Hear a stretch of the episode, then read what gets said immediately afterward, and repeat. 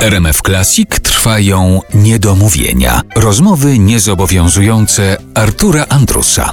Krzysztof Tyniec jest dzisiaj naszym gościem w Niedomówieniach w RMF Classic.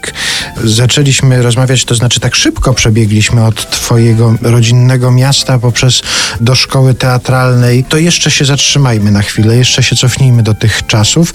To technikum elektro... Elektroenergetyczne. elektroenergetyczne mnie interesuje. Czy nabyłeś tam wtedy takich umiejętności, które ci się do dzisiaj przydają? Coś potrafisz takiego zrobić, czego bez tego technikum byś nie umiał? Owszem tak, owszem tak. No, mm, potrafię włączyć lampkę. Uruchomić pilota telewizora? tak, tak, tak. Ni- Nieskomplikowanego. Tak, potrafię wkręcić i wykręcić żarówkę. Potrafię. Wiem, e, że jak nacisnę na dole kontakt, to on się włącza, u góry się wyłącza.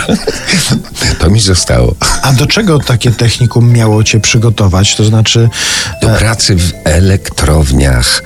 Zgorzelec niedaleko Turoszów, ogromna e, elektrownia. Ja miewałem tam praktyki i po miesięcznej praktyce powiedziałem, ja tutaj nigdy nie zostanę.